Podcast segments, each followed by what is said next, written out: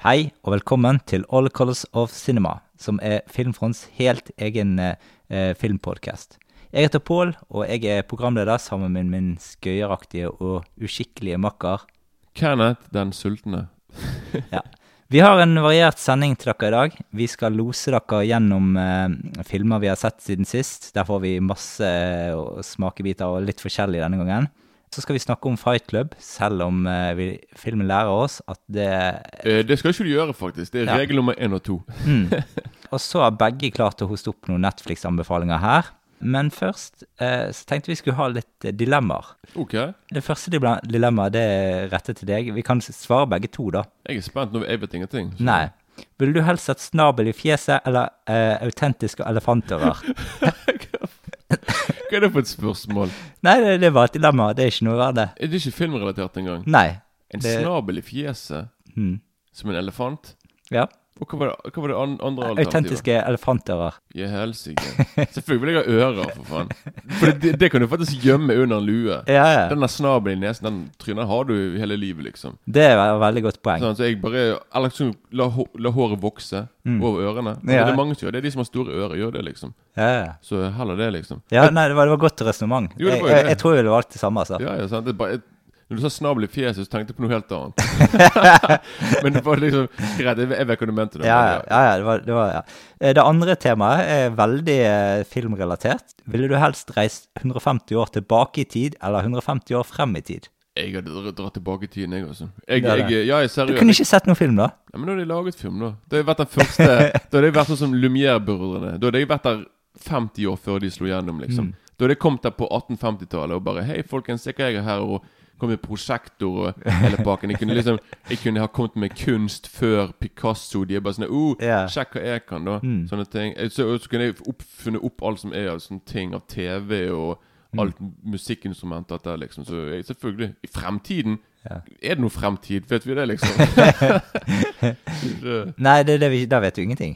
Da, da har du ingenting å gå på. Nei, går, men, men snakker du om at du drar tilbake, og så vet du alt det du vet nå? Ja, Sånn som frem, Tilbake til fremtiden 2? ja, ja. Du, Det, det, det var derfor det var liksom Da vil jeg i hvert fall Ja, da vil jeg i hvert fall dra tilbake tiden. For da kan du gjøre sånn som Biff gjør i toeren. Mm. At du kan liksom bare sånn her bruke det bare sånn her Ok, jeg vet når, når det og det skjer. Mm. Sånn at du vet Du kan begynne å tippe på ting og spille med om penger, og du kan vinne Mm. masse. Mm. Selvfølgelig jeg ville gjort det, jeg. Ja, du, Ja. du har liksom jævla mye sånn Du har liksom du har 150 år med Mm. med mye informasjon i hodet da, som du kan eh, Altså ting du kan Jeg, lage. jeg tror si, siste dilemmaet som vi skal ha, det er litt verre.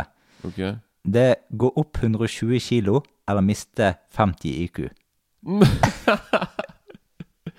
Ja, i helvete. Fem, hva sa du? 50 kilo? Nei, eh, 100, 120 kilo opp, Ja. eller miste 50 IQ. Er ikke det lettere å gå ned i vekt enn å liksom bli smartere?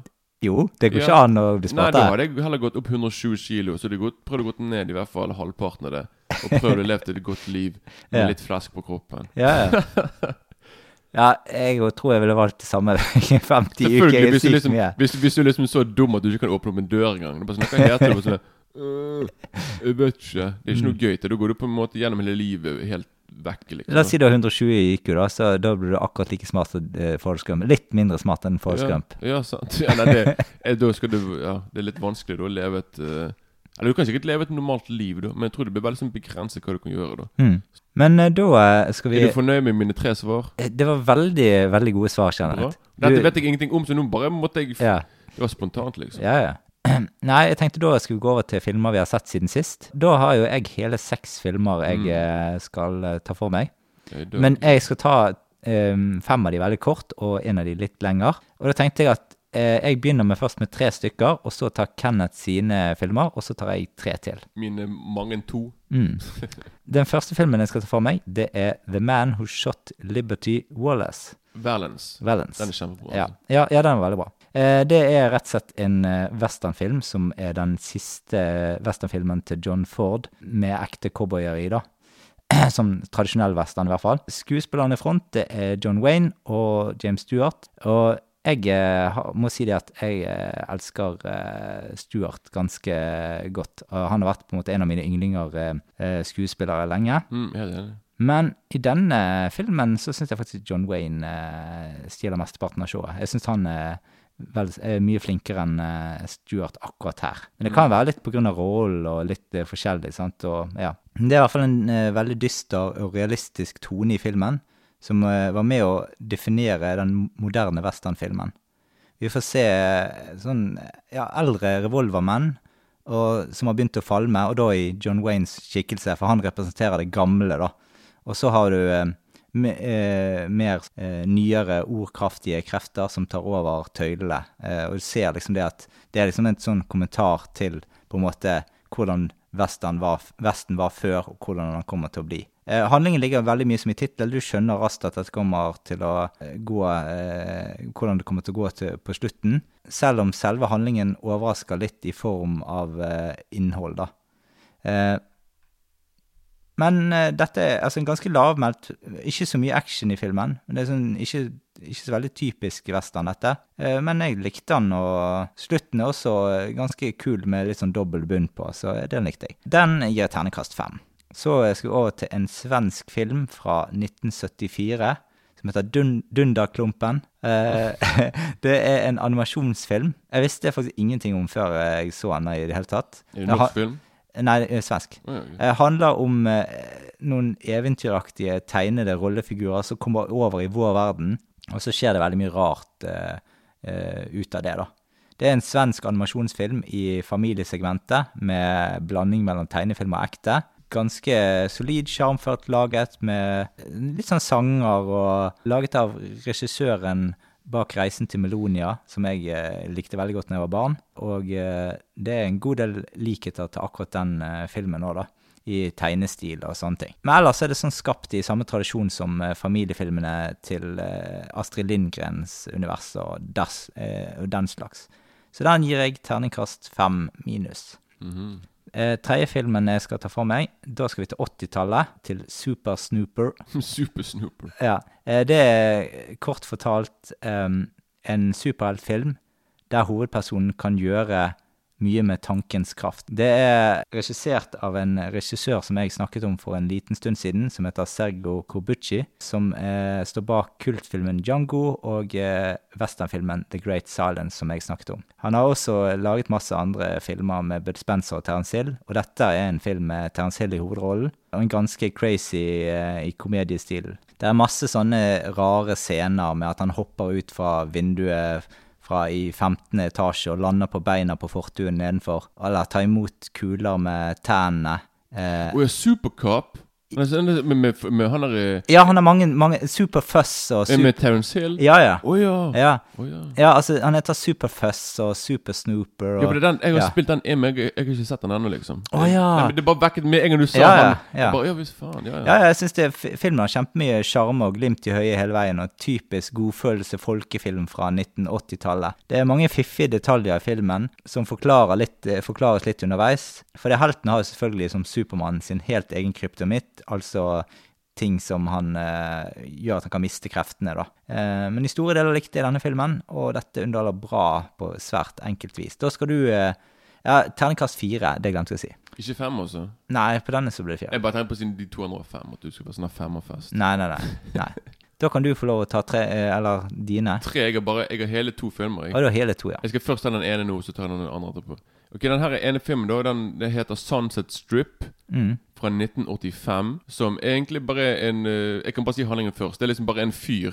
Han blir anklaget for å ha drept en noen prostituerte og noen nattklubbeier. Mm. Og så får han politi etter seg, og så har han mafiaen etter seg. Det er i bunn og grunn Det er i bunn og grunn handlingen, liksom. Filmen er en liksom veldig kul blanding av alt mulig, egentlig. At det, det som er veldig kult, er liksom at filmen er satt da til Sunset Strip i USA, i Sunset Boulevard, som er liksom en Mm. Sunset Strip er liksom en lang sånn strekning sant, på et par kilometer. Med Mm. mange nattklubber og sånne ting. liksom sant? Det er liksom der folk går for å feste. da Mm. og så, for, så filmen foregår der, og da har vi liksom vår hovedrollekarakter. Han er da en fotograf og går liksom og tar bilder av folk i klubbene der, og folk i gatene. og Litt mer sånn, Mm. litt sånn urban fotograf. da Ja. Og, sant? og Da blir han anklaget da for å ha drept en klubbeier. da Filmen begynner jo med no, to, to unge menn som driver med sånn breakdance. Sant? Mm. Med sånn, sånn hiphop, så du har liksom skikkelig sånn derre du har liksom skikkelig Skikkelig old school hiphop mens de står der og breaker. Han står der og bare sånn Yeah! Og så plutselig sånn, så er det bare sånne hiphop-greier. Og så plutselig så er det bare sånn Kommer du inn på sånne, så det sånn diskotek med diskomusikk. Og så plutselig så er det sånn så plutselig sånn montasje Sånn kjærlighetsgreie med sånn softrock-ballade. Det er liksom en film som har liksom Det er så jævlig mye av den filmen der som var av musikk og stiler, at det var helt vanvittig, liksom. For, eksempel han der ene hovedkarakteren. Det som er den rareste scenen jeg har sett på lenge. Der liksom, Han blir jaget av politiet, sant. Mm. Opp, opp, et, opp et tak. Og så det er så jævla rart, for liksom han kommer bort på enden av taket. Han bare 'Å ja, jeg må visst hoppe ned.' Det sånn jeg hopper ned ti meter. Mm. Så sånn som denne Supercop Den som du sa nå nettopp. Ja, Superfest, eller ja, ja, men han her er bare en vanlig person som hopper ned ti meter, lander på beina. Mm. Begge beina, og så løper han vekk. Han lander, han lander på beina som ingenting har skjedd. Det, er bare sånn der, det eneste som skjer, er liksom at du får sånn nærbilde av skoene hans. Mm. Så jeg har sånn følelse på at det er sånn der produktplassering. Det var sånn der, uh, Se på de her skoene her, de er jævla bra. Mm. Adidas eller Nike eller hva faen. For det er politiet som løper etter han oppe på taket. De bare Nei, nei dette, vi kan ikke ta han nå. Dette er altfor langt ned, liksom. Mm, ja. Men liksom, skjønner du hva jeg mener? Filmen skal være liksom så realistisk og sånn. Og så er det bare sånn Nei, men akkurat nå skal han hoppe ned ti meter, og liksom, det går ikke an. sant? Nei. Jeg, jeg vet det er bare film, men liksom når filmen skal være så intentisk sant, som man er Så dette funker ikke, men det, det, det, det, funker likevel, for det filmen blir bare mer sånn what the f, liksom. Mm. Men som sagt, det er en veldig kul film, men si, det, det er liksom bare den første halvtimen, så etterpå så dubber det av, og så blir det sånn Mm. Jeg vet ikke, Han blir bare jaget av folk og greier, og så bare Dårlig slutt og alt. Og. Så det var liksom Det begynte bra, men så endte det dårlig for filmen. Og så Ja. Han får en bra En bra terningkast tre, da. Ja, ja. Så han kunne vært litt bedre enn det. Så du kan gi eh, treere, du òg? Jeg kan gi treer, jeg òg, faktisk. Tro det eller ei.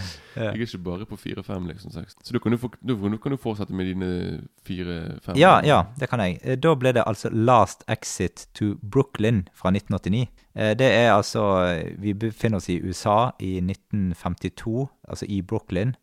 Det er liksom et hipt sted der soldater kommer til for å bli sendt til Korea etter hvert. da. Og da tenker lokale gjenger at de skal profitere på, på disse soldatene, da. Og da har de en eh, platinablond eh, babe eh, med, med navn Tralala, som eh, lokker til seg soldatene Nice. eh, med sitt fagre ytre. Eh, og så, så banker de de opp og tar pengene av de. Og så er det jo sånn noe med Det er mye mass, eh, mør- mørkt som skjer. Altså, det er en dra dramafilm fra eh, Uli Edel. Og det er uli... Å ja! Mannen Mm. bak Boogie, Boogieman og sånt. Eh, det vet jeg ikke. Det Jeg kan tror- godt være. tror- Ja, det, det er faktisk det. Ja, ja, altså han har i hvert fall laget den Bader Meinhof-kompleks. Ja. Nei, nei, nå driter var ikke det han. Det, han heter Uli Lommel. Han heter, Ja, det ja. er samme navn. Ja, på ja, ja, ja, det har de. Eh, ja, så det er ikke han. Eh, filmen i hvert fall beskriver en, en tilværelse for vanskelige eh, livene til folk, og det er fagforeningsarbeidere, prostituerte og drag queens eh, som eh, Ja, det blir en sånn blanding mellom eh, narkotika, kriminalitet og vold i hele filmen, da. Det er mange rare, fargerike, dy, eh, dystre rollefigurer. Du har Georgie Boy, som er forelsket i den ledende gjengfyren. Han setter litt farge på filmen, sammen med den blonde jenten som eh, eh, ja, er helt klart inspirert av Marilyn Monroe. Eh, men dette er, sånn, det er en sånn veldig voldsom film, som prøver å eh, sjokkere og provosere. En film som ikke har tålt tidens tann like godt. Altså, jeg, sant? Altså, det, det er, han er inne på noe, men det er liksom sånn, det er overdrevet på en del av rollefigurene og okay. sånne ting. Det, det er jo veldig frustrerende, det, da. Liksom, Sånn filmen vil, men får ikke det helt til. Ja, ja. At, eh, Det er absolutt sånn. Eh, så jeg ender på en terningkast fire på den. Så skal vi over til Puppet Master 9, Axis of Evil, er fra 2010. Eh, det er en film som begynner i 1939. Vi skal selvsagt tilbake til nazistenes tid. Og de vil eh, ha kloen i dukkeserumet som eh, brukes til å skape disse her, eh, skape liv i dukkene, da. Det jeg ikke liker her, det kan jeg kanskje ta først, det er at eh, filmen bruker om igjen en god del eldre scener fra de andre filmene. Seriøst? Men eh, jeg syns filmen var absolutt gøyere enn de forrige filmene, og dukkene får litt mer oppmerksomhet. Det er mer en tradisjonell Puppet Master-film som eh, går eh, tilbake til dukkene istedenfor uh, Altså universet der istedenfor sånn demoner og annet som de har prøvd å utvide konseptet med, da. Som ja, jeg føler er en liten avsporing, da. Men eh, altså, filmen har eh, noen kule kills. Og leverer litt sånn full likevel. Ikke den beste Puppet Master-filmen, men ikke den dårligste heller. Altså, jeg føler liksom de tre første er en klasse for seg sjøl, da. Ja, jeg er helt enig. Ja, og så følger resten og halter litt mer eller mindre av gårde, sånn som de er. sant? Det er veldig rart, det, for det er sånn plutselig, altså Når du ser på det, så tenker du sånn Ja, ja, ok, skjer, skjer, skjer ting, og så så plutselig så er det veldig brått slutt. Ok, okay. Så jeg tenker det at nå Jeg tipper det at på en måte nå de tre, eller de neste filmene skal på en måte sånn fortsette Jo på det, den jo det, jeg vet det. Ja. De, de, de tre er en slags trilogi, så de Mm. bare Den neste kommer bare til å fortsette fra det, liksom. Terningkast på dette det ligger et sted mellom én pluss og to minus. Du, det er Men vet du hva, det er faktisk det, Jeg skal faktisk Den neste Puppet Master-filmen jeg skal se, er faktisk den. Ja. Så nå har jeg sånne der Mm. lave forventninger. da. ja, men du kommer sikkert til å synes den er kjempebra. Det kommer til Ja, for jeg kanskje litt Ja, mer sånn ja. Ja. ja. Men eh, hadde du en til, da? Selvfølgelig. Ja, Da kan du ta en til før jeg tar en siste. Ja, men takk skal du ha, mann. Mm. Ok, Ja, da har jeg en skikkelig godbit her også. Jeg vet ikke om du har sett denne filmen Star Crash. Nei, eh, den har jeg ikke sett. Åh, steiken, da er du Den skal du få låne meg, også. Ja. Den er, det er sånn crazy italiensk eh, science fiction. En, du vet, liksom, it, Italienerne er jo veldig de, Eller de var veldig kjente for å, å se til Hollywood og se hva som var populært, og så prøvde de å liksom rippe det av, liksom. Så liksom når Star Wars ble en stor suksess, de bare Hei, nå skal vi jo lage en slags sånn eh, sånn science fiction-film som det, liksom. Så da skulle de lage Star Crash, som er regissert av Louis Luigi Cozzi, som har òg laget klassikeren Contamination. Har du sett den? Nei. Nei, ok Men eh, det er også det er sånn at, han, han, er, han er utrolig god på cheesy eh, sånne filmer. Han er, Du kan kalle ham for ostemester, kanskje. da Ja, ja. En ostemester i en film. For han bare, det lukter ost av filmene hans. De Ja. så, men er utrolig fantastisk underholdende.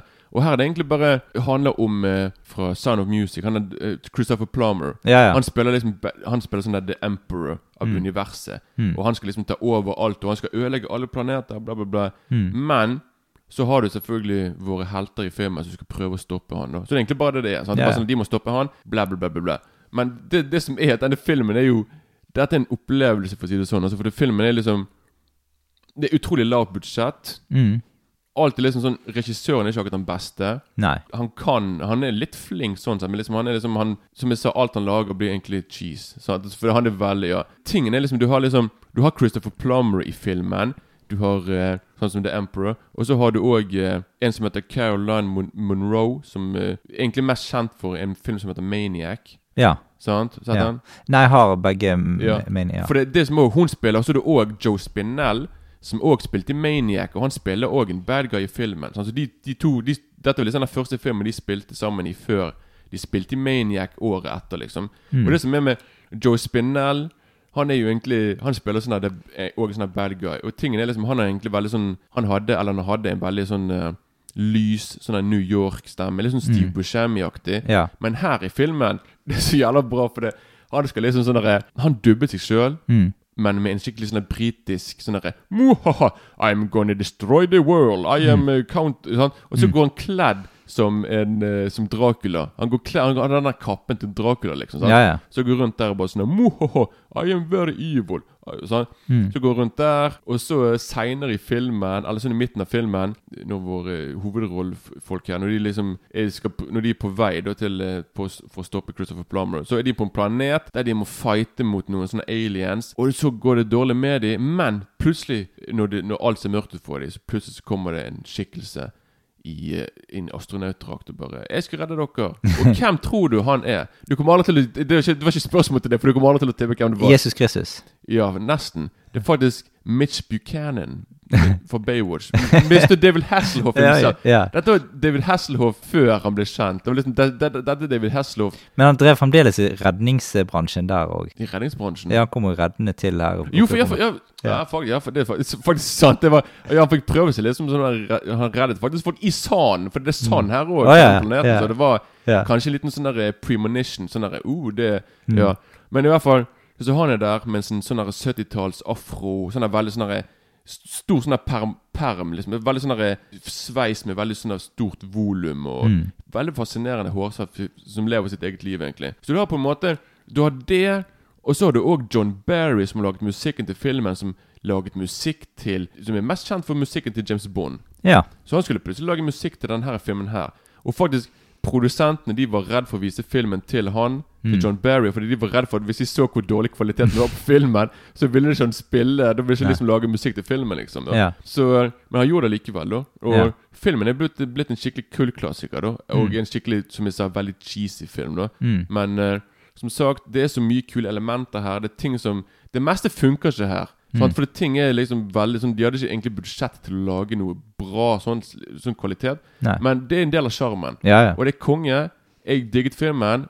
Filmen får en kanonsterk firer. Jeg hadde nesten gått på en femmer, da. Men han, får en, han får en, en, en cheesy firer. ja.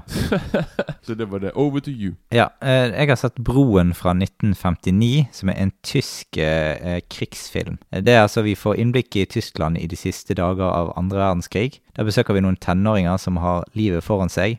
De går på skole, flyr til jentene og løper bekymringsløst rundt i gatene.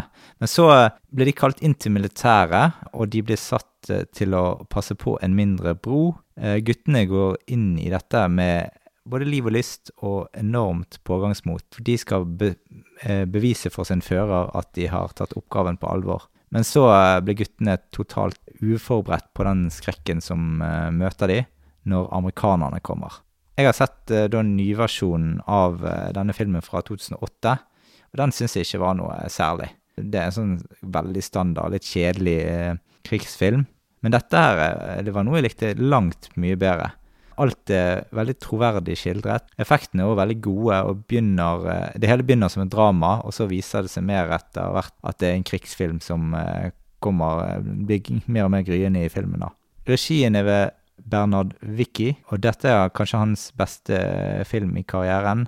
Ved siden av eh, klassikeren 'Den lengste dagen', som jeg òg liker veldig godt. Broen den er fotografert i sort-hvitt, og eh, ganske Ja, du merker at eh, her er det eh, gjort eh, veldig bra, og det, ser veldig bra ut til enhver tid. da. Skuespillerne gjør også en eh, veldig bra jobb. Det er ikke noen særlig kjente navn på blokken, eh, men jeg eh, lå raskt eh, merke til det eh, Fritz Wepper, eh, som eh, kanskje mange kjenner fra, fra Derrick. Det er ikke Derrick, Oh ja. det er Harry Klein. Såpass. Ja, så um, Harry Klein derfra, gikk, altså denne serien som gikk på NRK i mange tiår. Jeg liker oppbygningen i filmen. Dette em, skaper en, eh, Ting forklares i hva som skjer i denne fasen av krigen. Alt, altså Det er jo helt på slutten, så det er jo det er bare like før Tyskland holder på å gi opp. da. Alt begynner ganske lystig. Eh, men jo mer du kommer inn i filmen, jo dystrere blir det. Når eh, Mot slutten der så får liksom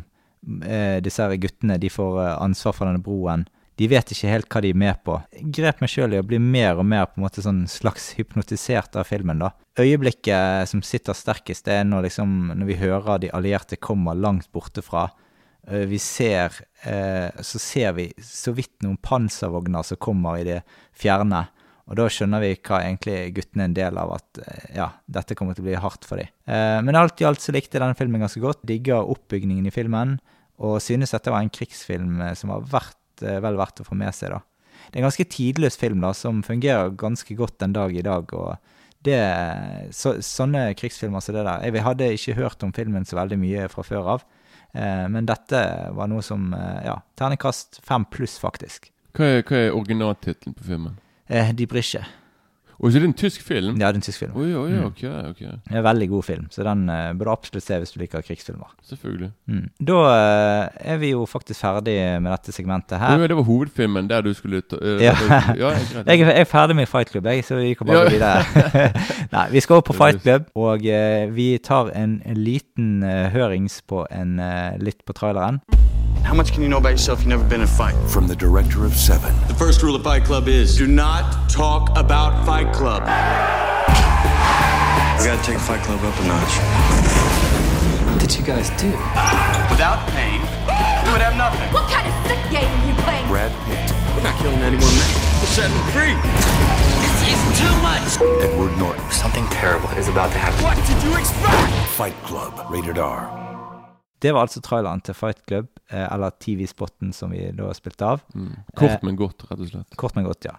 Det gir et litt visst eh, inntrykk av eh, filmen, selv om ja, du sikkert har forhåpentligvis sett den. da. I hvert fall Handlingen det er at det er en hovedperson som kjeder seg veldig i hverdagen. Møter folk som sliter med alvorlige problemer, for å få litt mening i hverdagen sin. Eh, han har egentlig alt i livet sitt. En flott leilighet i beste Ikea-stil og en jobb eh, han tjener bra på. Men han er fremdeles ikke tilfreds. Det er et annet som mangler. Og det er ikke før han møter den karismatiske og mystiske Tyler Durden at han eh, finner meningen i livet, tror han i hvert fall. Eh, sammen starter de Fight Club, eh, som en sånn slags slåssklubb. Så går alt bra en periode, men så er det noe som skjer eh, som gjør at han får seg en sjokkerende overraskelse, der hele tilværelsen blir snudd på hodet. Han skjønner ikke hva han har vært med på. Det er egentlig eh, kort og godt eh, hva filmen går ut på, da. Jeg kan ta litt som jeg har jo, jeg husker tilbake i første sending, da forklarte jeg litt om denne her gang, første gangen jeg tok, eh, jeg så Fight Club. Men jeg, eh, jeg kan ta det om igjen òg, for eh, det er ikke sikkert alle har hørt eh, den. Det er altså Jeg skulle på kino sammen med kompiser kompis av meg. Det var Disse her billettautomatene var i ustand den dagen. Det var kjempelang kø. Og så ser vi på en måte sånn ser en jente som han ene kjenner sånn fem, fem plasser bak i køen fra skranken. Og så spør vi hun om hun kan kjøpe billetter til oss. Det kunne hun selvfølgelig. Eh, og så kom vi inn. Vi er liksom kjempespent på filmen, visste ingenting om filmen på forhånd. Og så eh, sitter vi oss ned, og så får vi beskjed om at noen har samme plasser som oss. Eh, så da tenker vi, hva i all verden gjør vi da? Og så eh, snakker vi med kinopersonal og alt sånt som det. Så får vi noen sånne eh, plasser midt i salen der de på en måte setter ut noen stoler til oss, sånn at vi kan sitte og se på filmen derfra. da. Så det var jo en ganske røff start på filmen, men eh, det er jo en eh, film som i hvert fall overrasket meg veldig mye første gang. Og det var en film som Altså, jeg hadde jo sett Seven før denne. Mm. Eh, men det er en film som gjorde at jeg befestet min entusiasme for David Fincher som regissør. da. Ja, Jeg hadde òg sett Alien eh, 3 eh, før dette òg, men ja. Men da visste jeg ikke at det var han som var regissør av den. når jeg så den. Da kan du fortelle, hva, hvordan, hvordan var ditt første møte med Fight Club, eh, Kenneth? jo, det, den så jeg på premieren i Hollywood. Jeg var der og hang med Brad Pitt og de. Mm. Nei, det var som, som, som alltid. Det, som, som vanlig så blir det nesten uh, samme svaret som det, det der eh, klassiske Jeg så den på VHS først. ja, ok. ja. Det var nok der jeg så den på VHS, tror jeg, og så kjøpte jeg på DVD. Mm. Den kom ut egentlig i sånn 2000, tror jeg. Ja, ja. 99-2000, liksom. Og da så jeg den veldig mye, da. Mm. Så det er det egentlig det. Jeg har ikke sånn histo historie som det, liksom. Jeg har bare sånn standard uh, ja. VHS. Ja. Jeg har uh, Altså, det hele er jo faktisk Jeg visste ikke det, men det er jo basert på en bok, eh, dette. her. Ja, ja, ja, det er jo det. Det er jo en bok av en som heter uh, Han heter Chuck Chuck Perle, Perlenjak. Ja. Chuck Palahniuk. Ja, altså, jeg, jeg har jo skrevet det ned her, men eh, jeg på en måte Jeg tenkte at jeg, det, det der klarer ikke jeg uttale, så jeg derfor sendte jeg vi- ballen videre til deg. Ja, ja, ja, ja, det. Jeg tror det er sånn østeuropeisk Eller er det noe sånn der eh, Jeg har ikke peiling, Jeg jeg. jeg vet ikke hvor han er fra, jeg. Også. Jeg tror han skulle være amerikansk eller noe sånt, men jeg er ikke sikker. Og forresten, den boken var veldig kontroversiell da den kom. Ja, det var han sikkert. Det var Ja. en veldig, veldig veldig mange som ikke likte denne boken. liksom Men i hvert fall så forfatteren, han, etter at han så filmen, så syns jo han at den var bedre enn boken. Men ja, ok Det er ikke mange som sier. Nei, det er ikke ofte I hvert fall hvis det er forfatteren sjøl som sier det. liksom Nei. Det er liksom det beste komplimentet en regissør kan få. Ja, ja. Hvis- Hvis du har adoptert en bok. Det er bare du var bedre enn boken jeg har skrevet. Men eh, vi kan eh, kanskje først ta litt om det tekniske rundt filmen. da, Sånn eh, hva, hvem som har fotografert filmen og eh, den slags. Ja, han som har fotografert, fotografert filmen, heter Jeff Cronan. Cronan Weth, noe cirka der. Ja. Og han har på en måte fotografert en del David Fincher-filmer. Det er egentlig det han er mest kjent for. da Mm. At han er mer eh, Men det, det er ikke noe å skamme seg over det? Nei, det er helst ikke noe. Han har liksom fotografert Gone Girl og The Girl with the Dragon Tattoo og Mm. De filmene der, liksom. Ja. Så han har liksom uh, Men han har ikke fotografert min favoritt, Zodiac. Det er en annen, Nei, liksom. Så han har ja. fotografert egentlig alle, nesten, egentlig alle filmene til, til David Fincher etter Fight Club, bortsett fra Zodiac, har han Mm. ja. fotografert. liksom ja. Så han har på en måte vært hans faste fotograf. da Mm. så det, Og så, det som er veldig kult, da, at du har uh, Faktisk, Du vet jo makeup-effektene, når folk blir slått og sånne ting. Og når, yeah. han, når han skyter seg sjøl i kjeften på slutten, slutten, liksom. De effektene der er veldig bra laget. Og de er laget av the genius himself, Robert Boutin, Mm. som er aller mest kjent for effektene i The Thing. Oi! Så han har faktisk laget effektene her til liksom når de blir slått i fjeset og sånt. Mm. Og så han, han har laget jo òg effekten i Robocop. Mm, ja. er, det er veldig bra effekter. Veldig Ja, bra de er veldig enig. Så han er veldig ekspert på Mm. å ha veldig sånn Å lage effekter med, som har med vold å gjøre. da Mm. Så altså Hvis noen Hvis det liksom skal være noe som ser ut som de er blitt slått eller skutt, er han liksom den rette å ringe. da Mm. Men han er selvfølgelig Han har pensjonert seg nå, da. Men i hvert fall det syns jeg var utrolig kult. Da, liksom, når du bare At han liksom har vært med på den filmen. i hvert fall da. Han som har laget musikken, tror jeg ikke har laget noe spesielt. Jeg tror han har bare laget uh, musikken til uh, Mm. Til Ja, ikke noe særlig Ja, ikke så mye er, For å si det sånn, det er, den- det er denne filmen han er mest kjent for, da. Jeg husker ikke hva han heter, i hvert fall. Mm. Nei. Men uh, Så det er, egentlig, det er egentlig de mest viktigste personene. Av skuespillerne så har vi Edward Norton, Brad Pitt, Meatloaf, Mm. Helena Bonham Carter, ja, og så Jard Leto. Ja, Jared Leto, ja. Mm. Han eh, spiller en liten rolle som Angel Face. ja han er blonde, blonde skjeggersen. Mm. Og da kan vi jo ta litt først Jeg har jo alltid litt sånn trivia eh, på lur. Eh, og det er at eh, eh, produsenten for filmen Han ville at eh, Russell Crowe skulle spille Tyler Durden.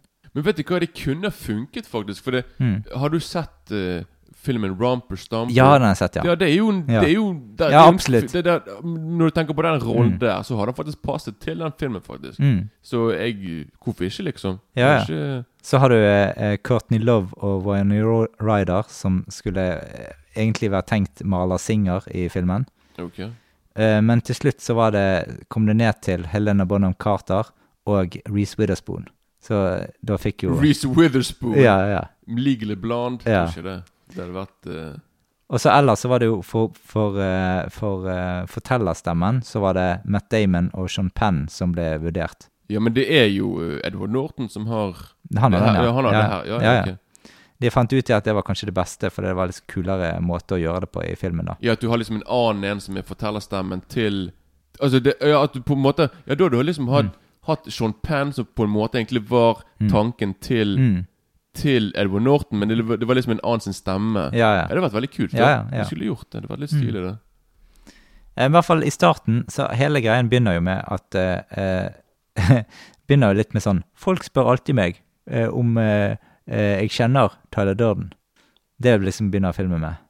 Eh, og så får vi se hovedpersonen sitte med en pistol i munnen oppe i en skyskraper. Mm. Og så eh, får vi vite noe om at revolusjonen er snart på vei, og at det kommer bomber som skal gå av, da. Og, og så går alt tilbake til begynnelsen, der egentlig ting begynte. Mm. Det er mange filmer som begynner sånn som begynner med slutten. Så bare Ja, nå skal vi fortelle hvordan vi kom her, liksom. Ja, ja, ja. Hvordan klarte vi å havne her? Eh, og så da får vi se liksom at eh, han eh, Hovedpersonen er jo navnløs i denne filmen her, da. Eh, han heter ikke noe. Oi, er det seriøst? Ja, ja. Det, det, det registrerte faktisk Nei. ikke. Ja, ok. Nei, altså Jeg, jeg skal ikke avsløre noen ting, da, men ja, i hvert fall.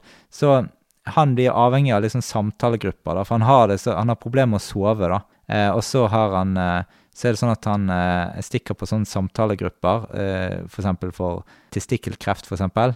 Og der han på en måte sånn føler at når han er på de gruppene der, så føler han at han sover så godt om natten etterpå, for da har han liksom fått ut så mye, da. Mm. Så han, liksom, han har jo ikke noen av disse tingene her, men det er på en av disse gruppene her, altså på testikkelkreftgruppen, så møter han Mara Singer, da. Ganske litt sånn artig eh, at eh, hun skulle dukke opp der, da. Det er jo litt åpenbart at hun ikke har det. Yes. Hun eh, sier at hun kommer på disse støttegruppene fordi at det, bare fordi at det, det er billigere enn film, og det er gratis kaffe. Det er liksom grunnen til at hun kommer der. mm. Eh, Vi var på foto litt i sted. Eh, Det er litt sånn kule fotomontasjer her underveis. Jo, jeg, jeg syns det er veldig Filmen er visuelt sett liksom veldig lekende med hvor kameraet går. Den flyger jo i hytt og pine. Mm. Ja, ja. Og det som er liksom Jeg må bare si at dette er egentlig en av de få gangene David Fincher egentlig på en måte lar kameraet være så hyper. For det, Mm. Bortsett fra den og Panic Room, Mm. så er det på en måte kameraet hans alltid veldig sånn statisk. Han, Ja, han er mye mer rolig her. Men jeg føler vel liksom men, så, så, så du har på en, egentlig på en måte bare to filmer her som er veldig sånn Mm. hyper, da. Men liksom det passer jo filmen veldig bra. Da. Det skal være litt den der sånn rastløs energi, da. Ja, ja. Sånn, så Mm. det passer bra. Ja, vi får se, se blant annet eh, hovedpersonen vandre rundt i en Ikea-katalog i filmen. Det er litt kult. Ja, det er veldig stilig. Veldig Ja. stilig laget. Og ellers så får du sånn eh, Du får se sånn eh, bilder av en isgrotte som plutselig eh, går Ja. over til et flykrasj, liksom. Og så kommer det sånn der eh, En sånn der pingvin som er Ja, ja. i en sånn der sn- i sånn der iglo. Ja, ja. og sånn der, what, liksom? Veldig, Og, den, og den scenen der har de faktisk eh, eh, Altså, der når han puster, eh, du får sånn frostrøyk og sånn. Ja. Det er faktisk hentet fra den Titanic. eh, Altså, hentet inspirasjon derfra. Å ja, stilig. Ja. Ja.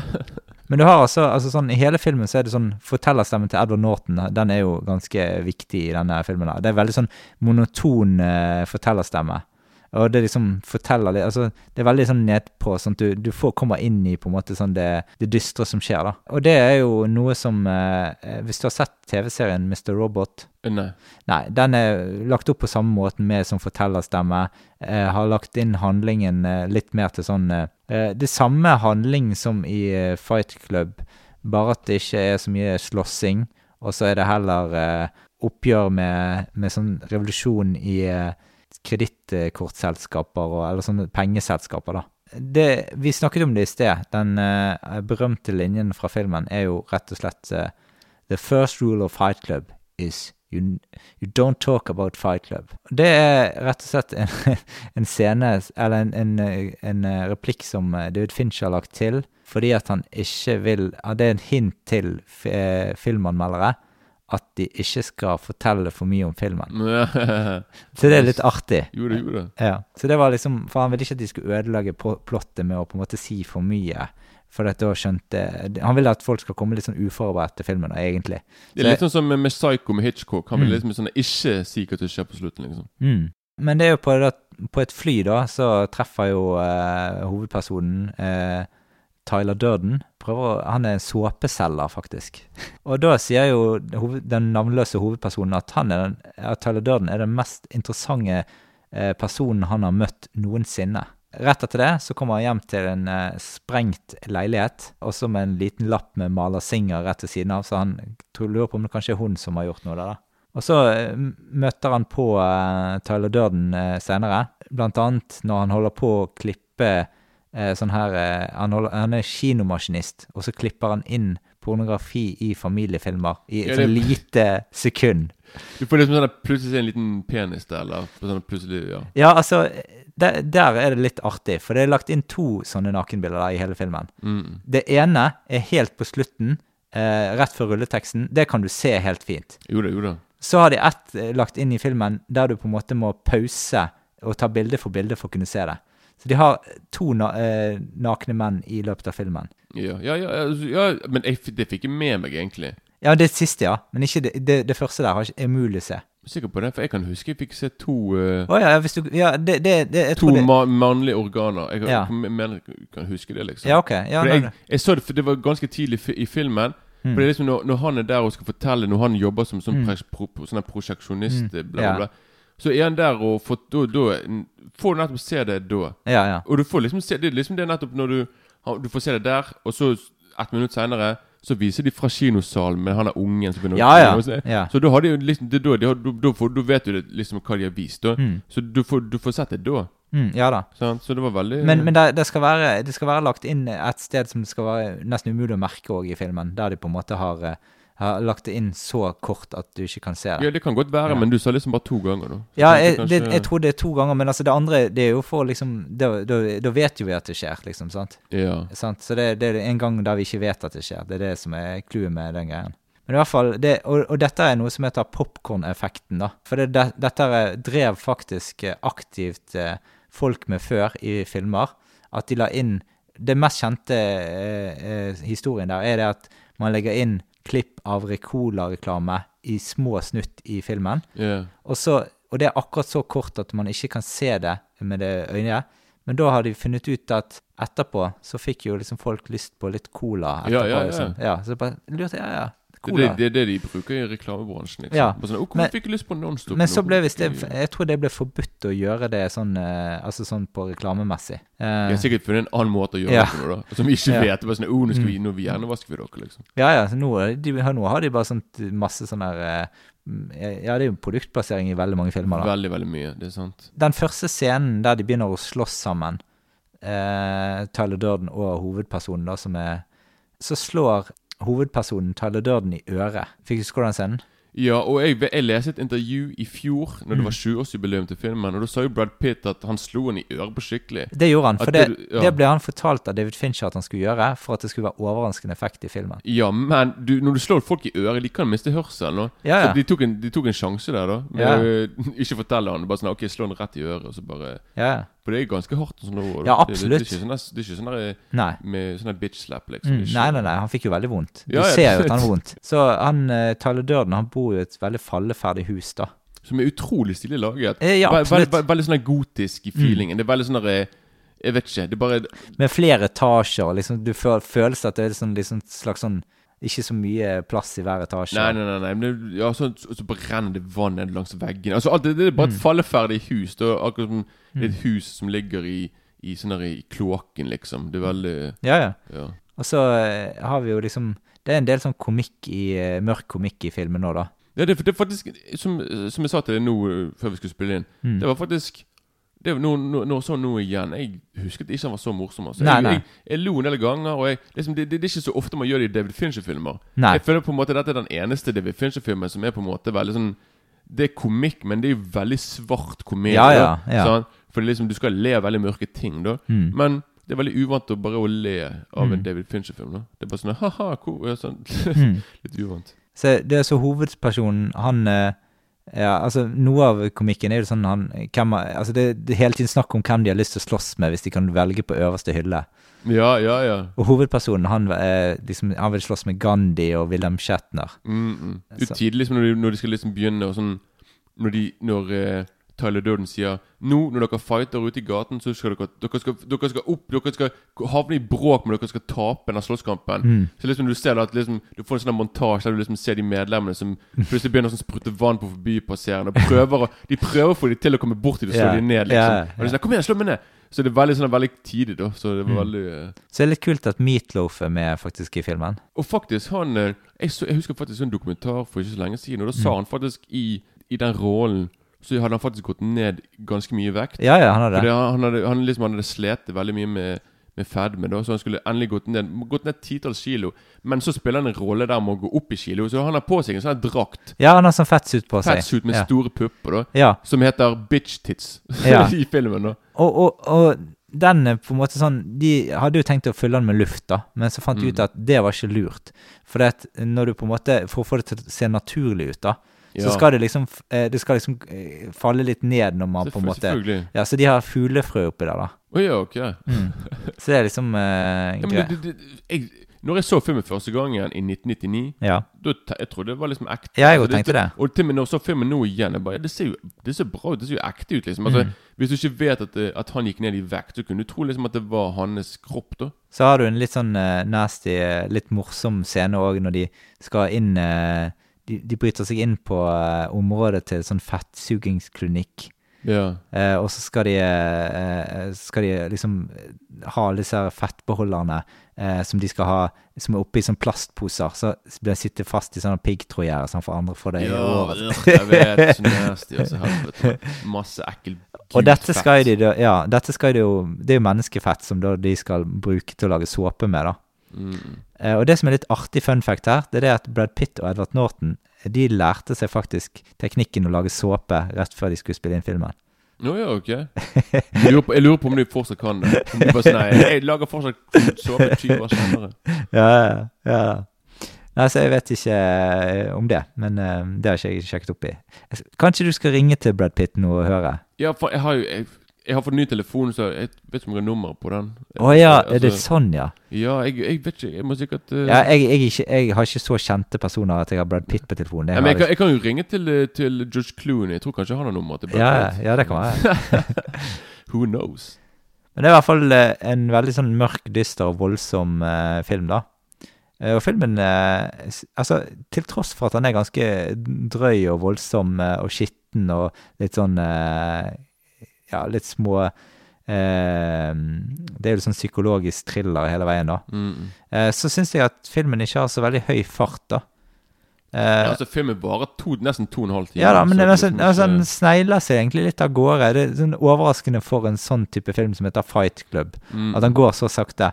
Men det fascinerende med det er at du er, føler det er interessant å se hele veien likevel. Altså Jeg kjedet meg aldri. Altså Filmen varer ganske lenge, men altså det føles som filmen varer kortere enn det han gjør. da Ja. Så det er liksom ikke Og så eh, har vi Vi skjønner jo egentlig ganske raskt at denne Tyler Durden eh, virker ganske rar, og mm. eh, du lurer litt på om han egentlig er ekte i det hele tatt. Ja, for liksom du hører Edward Norton som bare sier sånn derre Når han sier med fortellerstemme sånn Ja, noen ganger så vet jeg ikke så, så, så jeg vet hva han tenker, og jeg vet hva han Mm, gjør, bla, mm. bla, bla. Kanskje Kanskje vi er Kanskje vi er samme person. Altså De Ja, ja, hinter frem ja. til på sånn her Ja, det- de okay, det. Kanskje det er sånn her sant? Og nå liksom, Så det er mange ganger i løpet av filmen der du bare tenker på sånn Ok, ok, de er sikkert samme personer, siden Mm. liksom alltid bare sånn her I, i, i, I hvert fall når du ser Jeg tror første gangen når jeg så filmen, når, liksom når du ser når, når, når Durden har sex med hun eh, Marla Malsinger, ja. Og du ja. ser liksom de i aldri samme rom, liksom. Så Mm. bare sånn Her er det noe som ikke stemmer helt, liksom. Sant? Ja. Så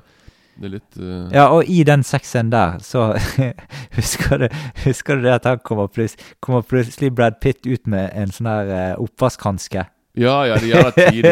I en utrolig Det det var nesten litt for bra veltrent kropp. Altså. Det Ja. var det, jeg tror Brad Pitt eh, ser tilbake på den tiden og tenker bare sånn Ja da, det var, Mm. det var den tiden. Men i hvert fall han er der, og det er det som er litt tidlig, da, med den, med den eh, for liksom den sexscenen de har liksom Du får aldri se det, men du hører liksom alltid de skriker og hoier. Ja. Og det leste jeg. De, har, de brukte faktisk tre dager de, Helena, Helena Bonham Carter og Brad Pitt brukte tre dager på å lage de lydene. Ja, det, det fikk jeg Det med meg. helt er ja. vanvittig, da. Ja. Og det var sånn der Jeg måtte faktisk skru ned lyden. Jeg, for det, jeg tenkte på Hva kommer naboen til å tro? Det var sånn der, Ja, helt vanvittig. Så det, Ja. For de holder på lenge. Det er liksom Ja. i minutter. For det er liksom, de fortsetter så Edward Norton går rundt i kåpen så bare sånn Ja, de holder på nå, og bla, bla, bla. Liksom. Men eh, Ja. Og det, det er forresten en veldig kul Når du faktisk får se en, den sexscenen i begynnelsen. Det er veldig kul sånn, de, Den er jo egentlig bare sånn spesialeffekter. ja, jeg vet det. De, de har brukt samme effekt som den uh, roteringseffekten fra Matrix. Ja, det, ja, for, Ja, for det, jeg, jeg For den, den roterer rundt sengen. Du ser jo det. ja, 360 ja, for jeg grader. husker jeg så på DVD-en på sånn der making of, og da så jeg liksom den scenen bare What?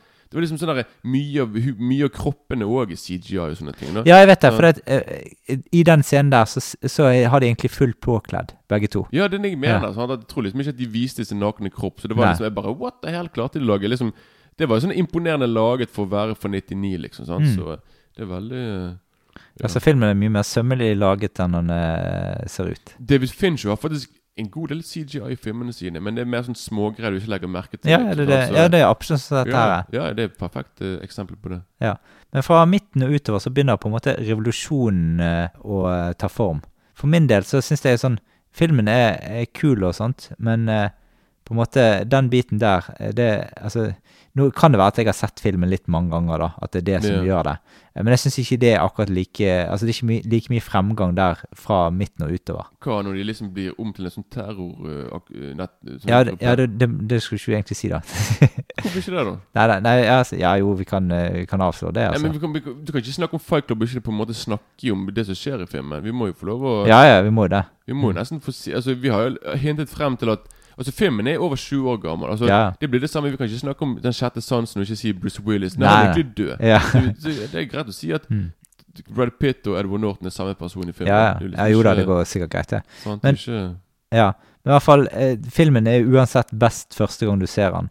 Etter det så mister han litt av kraften, for det er på en måte eh, Ja, ikke Nei, ikke for meg, egentlig. Men, ikke, ikke for deg? nei, men tingene Jeg så jo filmen mellom 10 og 20 ganger når han er på DVD. liksom Mm. sant? Jeg hadde ikke så mange filmer å se, så jeg måtte se veldig mange av de samme om igjen. Ja. Og dette var en av de Så jeg så den her veldig veldig ofte. Mm. Og jeg digget den da skikkelig. da Ja. Men liksom nå når jeg så den igjen nå her forleden, Mm. da har jeg ikke sett den på mellom 15 og 20 år. ja hvordan hvordan syns du dette gjensynet var, da, liksom? Det var Som du vet, så var ikke jeg sånn så hyppig. Jeg, jeg, jeg tenkte sånn Jeg visste på en måte liksom at jeg kanskje ikke var så glad i den filmen nå som jeg var da. Mm. Og jeg fikk litt rett i det. Var, det er en kjempebra film ennå. Ja, ja, Men jeg, jeg, det var liksom sånn det, det var liksom ikke samme Jeg var ikke like entusiastisk og sånn wow som Ja. første gangen jeg så filmen. Sant? Ja, sånne, det var jeg definitivt ikke. Men jeg, jeg føler på en måte Jeg føler på det liksom Når jeg så Fight Club, så føler jeg på en måte at det er liksom den type filmen som er sånn Det er en sånn perfekt film å ha som en av favorittene når du er sånn tenårene. Ja, ja. som når du for eksempel sånn her, Ja, med Pulp Fiction og Mafia-brødre. Det er liksom Det er liksom den sjangeren der. At du litt sånn her, Litt sånn en mannefilm, da. At du sånn, Men liksom nå følte på en måte sånn her, Ja, jeg visste ikke Jeg tenkte kanskje jeg har bare sett den for mange ganger. Ja. Jeg vet da faen. Men det var i hvert fall- i hvert fall Ja, det var ikke samme ja, ja. Ja, Altså, jeg syns jo filmen har jo helt klart sine kule øyeblikk og sånt. Ja, selvfølgelig. og det er en kjempebra laget film. Filmatisk sett Ja, ja. fantastisk. Alt Ja. funker kjempebra, liksom. Men jeg syns kanskje ikke filmen har klart å holde seg like godt som jeg husket den. For det, altså, når jeg, når jeg så den første gang, så tenkte jeg at ok, dette er litt sånn revolusjon, revolusjonerende film, tenkte jeg. Mm. På, på, altså det er jo sånn Det er jo akkurat sånn som litt sånn i Altså en type Matrix-aktig, bare at ikke Matrix-konsept, da.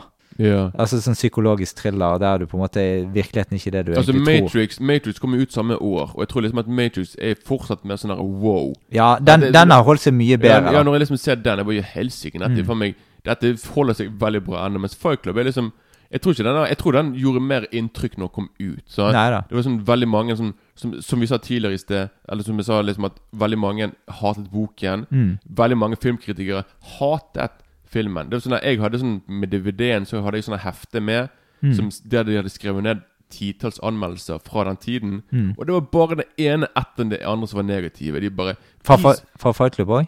for Fight Club. Nei, men Oi. liksom, ikke, ikke film, men liksom på grunn av liksom at fordi filmen var så så altfor mørk, og Mm. filmen var liksom som, vi, som du Altså Når alle de her folkene blir om til terrorister og sånne Mm, ting, at du ja, på ja. en måte nesten glorifiserer det, Mm. og sånne ting At det blir på en måte At det var veldig mye fra filmen som for, nei, for boken folk ikke likte. Mm. Og det samme var selvfølgelig når du, hvis du lager en, bo, en film ut av boken. Selvfølgelig det, du Ja, ja. jo mislike de samme tingene da. Ja. Så det var på en måte en veldig Og så var filmen veldig voldelig òg. Mm.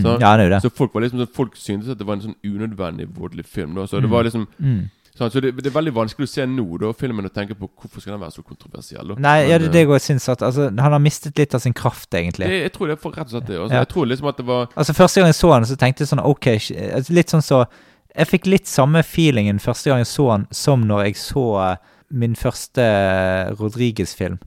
ja, Desperado, for eksempel. Nei, det var ikke Desperado. Jeg tenkte på en eh, litt mer voldsom film enn det. Den uh, godeste den vampyrfilmen. Ja, From Dust to Dawn. Ja, ja. Jeg så Ja, den. Ja, ja. Og det, det er litt sånn samme feeling. Jeg så den som 16-åring, og så et par år seinere så jeg den her. Og det er litt samme feelingen jeg får når jeg ser de to filmene. Vet du hva, jeg er faktisk helt enig med deg, faktisk. For en gangs skyld. Nei, men liksom Nei, men liksom Jeg så, jeg så From Dust to Dawn for ikke så lenge siden. Ja. Og når jeg var i tenårene samtidig som jeg så Fight Club Jeg hadde Dust, From Dust to Dawn 1, 2 og 3 Mm. på VHS. Ja. Jeg så de filmene om og om igjen. Jeg elsket de så jævlig mye. Og når jeg så hun film nummer én igjen i fjor eller forfjor, jeg bare ja, Bra film, men det var liksom ikke Jeg føler på en måte liksom at jeg bare Ok, det var sånn Det var en sånn derre En aldersting, nesten. Jeg bare føler på en måte Det var sånn Ja, det var når jeg var i tenårene. Ja, det, for det, liksom sånn Altså, det var sånn Når jeg, når jeg så From Dust Dawn første gang, så var det sånn jeg, jeg, følte jeg hadde sett noe jeg ikke hadde lov å se, liksom. Ja, helsike. Og liksom Og det var liksom òg ja, ja, Og så jeg liksom jeg gikk, gikk hjem liksom sånn Jeg, jeg var liksom 15-16 år gammel, og så, Mm. så det var liksom begynte å bli litt kaldt ute, og jeg hadde sett det oppe hos en kompis. eh, ja. Så måtte jeg gå til bussen langs veien et eller annet sted som eh, der jeg- det ikke var fortau. Og Ja, for jeg, jeg tror faktisk at det var min første Tarantino-film uten at det var en Tarantino. ja, det var absolutt det for meg òg. Han har skrevet, manus til filmen, med i og han filmen er med i òg. filmen, sant? ja. Så han er en av hovedrollene òg. Han er liksom broren til Clooney. Mm. Men liksom så det, det var faktisk Så det var liksom veldig sånn Jeg bare oh, sant, Veldig mye banning, og det var liksom Hun er Selma Hayek, Ja, ja. er stripperen. Det var liksom som du sier Det var litt sånn der, eh, sånn, Ja, dette var litt sånn eh, film for voksne, liksom. Ja, ja, så Det absolutt. var veldig, så Ja. det samme er Fight Club, på en måte. Det var da, men nå er det på en måte sånn Mm. så, så kanskje det bare Det var liksom Den hadde mer sånn Når den kom ut, da var den Ja. mer sånn der, eh, slagkraftig, liksom. Sant? Mm. Litt mer Ja. Men så, eh, altså slutten her eh, på, på Fight Club, den er jo også litt uh, småkul, men ikke eh, Altså, jeg syns ikke han var så Du får, du får jo uh, se, se en del av uh, filmen i begyn, altså slutten av begynnelsen, i begynnelsen av filmen, da. ja. Eh, og så eh, så jeg, jeg hadde et, Altså Med den oppbyggingen de hadde, så hadde jeg på en måte trodd at de ha, skulle kanskje ha mer og mind-blowing ting å komme med enn de faktisk gjorde, da. Kommer med tanke på slutten? Ja. Ja, for det er sånn uten å Vi trenger ikke akkurat si akkurat hva Nei. skjer på siste sekundet, men tenker du liksom når du får se det du får se på slutten Ja, altså har... hele konklusjonen på hele greien, liksom. Ja, jeg blir bare jeg, jeg blir bare veldig forvirret, egentlig. Og blir det, ja? Ja, for jeg tenkte jo bare sånn Jeg bare tenkte på Har han blitt Har han blitt Tyler Durden? Er det det, liksom? Han er jo Taldaden. Ja, men når han sier Når han er med hun er Helene Bonham Carter, bare Ja. sier, og han sier til noen sånn Nei, ja, vet du hva, du traff meg på et veldig rart punkt i Ja, livet. ja, for det, hun eh, De forklarer det jo på slutten. For, at, Ja. for at hun, hun sier jo det sånn at eh, du, du, du er den rareste personen jeg noensinne har først, møtt. Først har du Ja. sex med meg, så vil ikke du ha noe med meg å gjøre. Så er du Ja, altså, ja. Sånn, Han har på en måte spilt på en måte flere forskjellige personligheter med hun da. ja, men Og hun har ikke skjønt det at på en måte han Altså Hun tror at han bare heter Taldaden, liksom. Ja, men liksom når du får se det du får se på slutten med de bygningene, Ja. og de bare står der, og så tenkte jeg på sånn Ja, men da er jo han er veldig rolig, så jeg tenker på sånn Jeg, tenkte sånn Det er ikke sånn at Taludøen på en måte har vunnet over hvem som på en måte bestemmer over tankene hans nå. For det, Ja. for det er ikke noe spoiler å si liksom at han, han prøver å ta sitt eget liv. Han skyter ja. seg sjøl i kjeften. Utrolig kul scene, forresten. Ja, ja. Utrolig stilig med, med sånne effekter. Mm. Og jeg tenkte på sånn Men jeg, jeg, har sett jeg har sett flere filmer der du liksom tror at Å ja, nå klarte de å få vekk demonen de hadde i seg. Men Ja, det, det er jo litt på samme måten her òg, for han er jo på en måte Det er en slags sånn frigjører som han har hatt i seg, som han, Ja. der han plutselig ikke vet at han har vært flere forskjellige personer. Altså, ja, selvfølgelig. Altså, Hele filmen handler jo bare om en, egentlig i bunn og grunn hvordan du skal på en måte komme ut av det skallet ditt. Sant? På en måte Ja. Som at han, han har vært Han har vært langt nede på bunnen og på en måte taler døden liksom på en måte Det gjør at han får selvtillit i livet, at han kan Mm. bygge seg opp. over Det skjønner jeg, men jeg bare tenker på sånn når du, når du får se det du får se på slutten, og han er bare der og bare Ja, du Jeg bare tenkte på sånn Du tenkte på sånn Har han Er han er han Edward Norton eller en Brad Pitt sin karakter? Jeg var liksom ikke sikker. Jeg vet ikke om de prøver Og jeg, tror han, jeg tror han er Edward Nortons karakter. Men er, er han da på en måte blitt Er nå han på en måte liksom Ok, nå er jeg Nå er jeg der skal være livet. Nå er jeg liksom i bra bra liksom Ja, så han finner ut det at på en måte sånn at, at det han har gjort, har vært helt, helt galt. Så han prøver å stoppe tingene, da, egentlig. Jo, det- ja, det jeg vet. Men, Ja. det var bare, he, men hele scenen Jeg fikk bare følelsen av at det var sånn Jeg bare Det er det jeg sier. Jeg har ikke sett filmen på 15 år. Nei, nei. Så jeg husker ikke hva jeg tenkte da. Nei. Nei altså, jeg, jeg husker altså De første gangene jeg så filmen, så tenkte jeg ikke så nøye over disse tingene her. Nei. Altså Dette er sånn mer ting jeg tenkte gjennom dette gjennomsynet her. At på en måte sånn eh, Ja, hvordan alt egentlig hang sammen. For jeg tenkte Første gang jeg så filmen, så tenkte jeg sånn jeg hadde, eh, Første gang jeg så filmen, så hadde jeg allerede glemt at åpningsscenen var det man satt med pistol i munnen. Sant? Ja. Eh, men så har jeg liksom husket det på det hele tiden, liksom. Sant? Og da, da ble det liksom litt, litt annerledes, for da Altså, det er av og til sånn når du ser på filmer på kino, så tenker du sånn Ja, ja, ser en ting, og så glemmer du litt senere, og så plutselig så kommer det igjen litt seinere at Ja. Men i hvert fall så Ja, dette Jeg syns det var litt artig og interessant å se dette gjennomsynet her, da. Så nå var jeg litt mer kritiske øyne på, på filmen da enn en fra før av. Skal jeg si hva som litt tidlig, for det Jeg har, filmen, jeg har jo filmen på Blu-ray òg. Ja. Og ok, filmen kom ut i 1999. Jeg kjøpte filmen i 2000. Som en, Ja. Det var sånn tiårsjubileum for, for filmen kom ut. Ja. Jeg, har ikke, jeg har hatt det Blu-rayen i ti år. Ja. Så nå er det like lenge siden jeg kjøpte den på Blu-ray som Skjønner du hva jeg mener? Ja, ja. At det var liksom nå- nå- nå- det, det, Nei, det var faktisk elleve år siden. Hmm. Så det var faktisk nå er det egentlig et tiårsjubileum for når han kjøpte Blu-rayen. Og du har ennå ikke sett den Jeg, siden? ennå ikke, jo, jeg så den jo her. Så, Ja, ja. Dette her. Ja. Så den er bare på en måte Jeg regner med at du har veldig mange filmer som bare ligger og råtner vekk. liksom sant? Ja, absolutt. Ja, sant? Ja. Fight Club var en film på en måte jeg hadde glemt jeg hadde. Ja. Men liksom, det var bare Ja, det var liksom bare Det var, det var bra. Det var liksom på tide for meg i hvert fall å, å se den om igjen. Og på en måte nå, nå vet jeg på en måte liksom at jeg ikke er kanskje like der oppe som Nei. jeg var da, liksom. sant? Neida. Men, eh, Men jeg så den faktisk ikke på Blu-ray denne gangen. Dette var en Nei, er du gal? Betamax. Nei, altså, det var en DVD-versjon. Men det, du vet den DVD-versjonen med sånn her eh, Litt sånn her uh, eh, Det er sånn brunlig eh, sånn cover. ja, jeg har den samme. Ja, ok, greit. Ja. Ja. ja. Det er sånn med forskjellige disker, og det er masse Jo da, jo da, jeg har Ja. samme greiene, jeg Ja. også. Jeg bare Jeg kjøpte den på Blu-ray for jeg tenkte jeg måtte ha bedre bilde, liksom. Ja, du, du er litt mer- eh, av den mer, mer raffinerte typen. Jeg er nok litt mer det, liksom. sant? Jeg gikk fra VHS til Blu-ray. Måtte liksom det Måtte jo det. Jeg kan ikke se sånne billige Blu-ray-filmer. Nei, det, Jeg har et høyere standard. Ja, ja. Ja, men i hvert fall, det, da kan vi gå til terningkast, da. Første gang jeg så filmen, så var det jo terningkast seks. Jeg kunne ikke gi noe annet. Mens denne gangen så har jeg gått ned til en femmer. Jeg òg. Jeg er på en OK femmer. Ikke en Altså, jeg av, Hvis vi hadde gått eh, 0, 1 av 10, så hadde jeg gitt den en 8 av 10. Ja, det kan jeg jeg være med liksom, på. Jeg er liksom på en, en bra femmer. Men Ja. ikke 9 av 10. Jeg er ikke på en knallsterk nei, femmer. nei, liksom. nei, det er ikke jeg heller. Jeg, som sagt, før i tiden så var dette en av mine favorittfilmer. Sånn, når Mm. jeg var 40, så var det liksom en av mine topp 10-filmer. Men nå er ikke den egentlig Jeg vet ikke hvor den er på listen, men det var i hvert fall veldig langt nede. Ja, ja. Så, men igjen, en bra film. Absolutt, liksom. Det er ikke Mm. akkurat det. Ja, absolutt det er ingenting å si Sånn, på jeg, den. jeg tror filmen ligger høyt oppe på IMDb sin Mm. to, denne topp 250-liste. Så, Så eh, det var en film vi var helt enige på, da. Eh, For en gangs skyld. Ja. ja. Men da tenkte vi at uh, vi skulle gå over på Netflix-anbefalinger, og da kan du få lov å begynne, Kenneth. Ok, Min, først, min første Netflix-anbefaling er en film som heter Hush. Altså Hysj. Oi, ja. Veldig yo.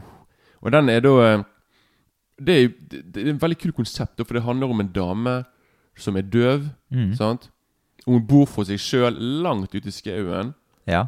Så hun har type, men han er liksom Han er på jobb langt vekke fra hun, liksom. Ja. Så hun sitter der for seg sjøl. Jeg tror hun er en forfatter. Skal Ja. skrive bok og greier. Og, men plutselig så begynner hun å merke liksom at det er noen som stalker henne på nett og greier. Så plutselig så bare en natt så bare ser hun ut vinduet. Der står det en fyr med en maske på seg. Oi. Og han står der, og han står der med en kniv eller øks og bare sånn 'Jeg skal drepe deg'. Og hun står der, hun kan ikke høre. Nei. Så han er der, og så plutselig så bare forsvinner han Ja. i mørke natten. Hun vet ikke hvor Hun kan ikke høre noe ting. Ja. Så hun så, så skjønner, Hvordan tror du det er? Du, det står en gal morder ute. Og du vet han kommer inn til deg, men du kan ikke høre for du er døv. Mm. Hvordan skal du vite så, så Hun går jo liksom Hun må jo liksom rundt i hele huset og prøve å stenge av alt. Og prøve liksom å, Mm. å kunne, å kunne stoppe han fra å komme inn, liksom. Ja, ja. Og, sånn, og mer trenger jeg ikke å si. Utrolig kul film, kul konsept. Veldig originalt. Filmen er, da, filmen er jo laget av Mike Flanagan, som har laget flere, flere Stephen King-filmer da til, eh, på, Netflix. Og han Ja. har blant annet laget en av mine favorittserier, som er denne The Haunting of Hill House. ja. Så han er en mester på sånne filmer. da Så den anbefaler jeg absolutt. altså Så Ja. det er bare å sjekke ut eh, Hysj. Eller hysj. ja har, du, har du flere der på Netflix, eller? Jeg kan bare ta etter noe du har tatt Ja, ok, eh, da tar jeg en, da. Eh, Jeg skal altså ha om eh, Hot Fuzz. Det er altså en eh, britisk film. Det er på, er på en måte et sånn utgangspunkt i en så, så, såkalt eh, supercop-film. Eh, Det er duket for eh, mye sånn action og morsomheter fra samme gjengen eh, som Shaun of the Dead. Det Jeg vil egentlig si kanskje dette er en av de kuleste filmene de har laget. Altså, Shaun of the Dead er veldig kul, den òg. Eh, men den, er, Ja, ja. ja, den her er litt, kanskje litt morsommere, da eh, jevnt over. I hvert fall, det handler om Nicholas Angel. Han er en, eh, den beste eh, politimannen i London. Han har en eh, arrestasjonsrekord på 400% høyere enn noen annen i styrken. Han eh, får andre til å se så talentløse ut at de tenker at ok, han her må vi flytte over til et eh, lav eh, Til et eh, sånn eh, dårlig distrikt, sånn at ikke de får alle andre til å se helt Altså, ja. Så da hiver de han inn i en sånn søvnig, tilsynelatende lovlydig landsby. Eh, Stan, eh, Sanford heter den. Eh, det, er, det er den byen som har vunnet årets beste landsby mange ganger på rad. da. Og så, men det byr liksom på problemer i begynnelsen, og spesielt når han eh, får eh, partneren med, med sånn en som heter Danny Butterman i Nick Frost sin skikkelse, da. Dette er altså Dette er en eh, film som var en film jeg digget utrolig uh, når jeg så han på kino første gang. Det er liksom sånn Det får deg til å bli en slags sånn tenåring igjen, at du føler du ser sånn Bad Boys eller Men in Black for første gang, liksom. Og det er liksom Det er veldig mye poenger. Kommer på løpende bånd hele tiden. Eh, og det er ganske mange utrolig voldelige, men uforglemmelige, morsomme scener i filmen. En er han blant annet en, en gammel dame som tar opp en hagle og skyter etter eh, hovedpersonen. Så dukker han ned og løper mot damen mens hun lader. Og så millisekundet før damen avfyrer neste skudd, sparker han inn trynet på den gamle damen. Dette hørtes jo veldig rått og brutalt ut. Eh, men det er liksom absurditeten i det hele som skaper hele helheten i på en måte scenene og i det hele tatt. Alt blir sånn supervoldelig etter hvert. da. Det er jo liksom ikke særlig sannsynlig i filmen på noen slags måte, men det, det er såpass overdrevet og med vold og komikk at, eh, at det, det blir veldig artig, da. Du får en liksom perfekt eh, underholdningsblanding i filmen med sånn skikkelig crazy plot.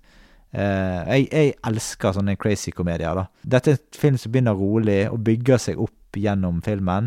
Og den siste halvtimen er så actionpakket at eh, du, du får litt sånn klassikerpreg da, på måten den er sydd sammen på. Det var faktisk Edgar Wright sin Han ville lage sin egen Michael Bay-film. Ja, ja, ja det, det ligner jo veldig på det, da. Ja, ja. Men det, det er veldig britisk laget da, i humor og Så det er liksom sykere, fetere, mer komisk action. eh, Så dette det er vanskelig å finne der ute.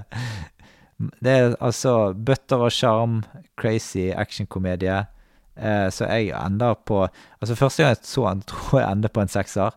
Såpass, ja. Men, men altså nå er jeg moderert meg litt, Kombinert ned på en femmer. Ja, du var litt, kanskje litt vel entusiastisk nå. Du var kanskje litt uh, Ja, ja. ja. Det er jo uh, en av uh, Edgar Wright sine beste filmer. Da. Ikke at han, han, han, han har ikke akkurat laget så mange filmer, da. Men, Nei, nei. eh, men det inngår jo Denne den der eh, trilogien. Da, Ja da, og jeg syns den er helt klart Altså, Shaun of the Dead og denne her, de kriger, de kriger helt opp i toppen der, begge to. For meg er nok Ja. Shaun of the Dead den beste de har laget. Ja da, den, den er jo kjempebra. Og, det, og kanskje Shaun of the Dead er faktisk den filmen jeg kan se om igjen nå flest ganger og like. Altså Første gang jeg så filmen, så syntes jeg det var gøy. Mm. Eh, men altså, den kan du se om igjen, og at på en måte han, du legger merke til nye ting nå, da. Ja, ja. Ja. Mens denne her har kanskje ikke den, denne her er kanskje kulere første gang du ser den. Mm. Eh, men så Det er fremdeles gøy å se den igjen, men på en måte sånn Ja. Den er litt mer sånn eh, eh, simplere film, da. Litt mer over the top. Ja. Selv om zombier er over the top så det holder. det, det kan man si. Har du eh, Nei, vet du hva, jeg tror bare holdt med igjen, jeg. Ja, greit. Det, men da eh, går vi faktisk mot avslutning. Vi er kommet til mål med denne podcast-episoden. Vi har snakket om Fight Club eh, sammen.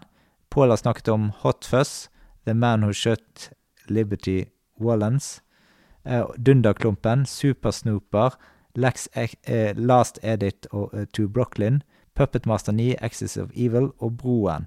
Kenneth, du har snakket om Sunset Strip, Star Crash og Hush. Ja.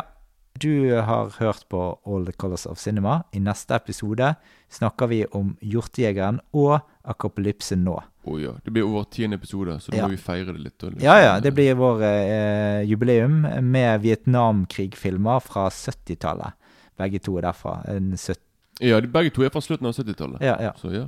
Da uh, gjenstår det bare å si uh, Theis, jeg mener takk eh, for sendingen, og så snakkes vi igjen i neste episode. Shalabais. Uh hei.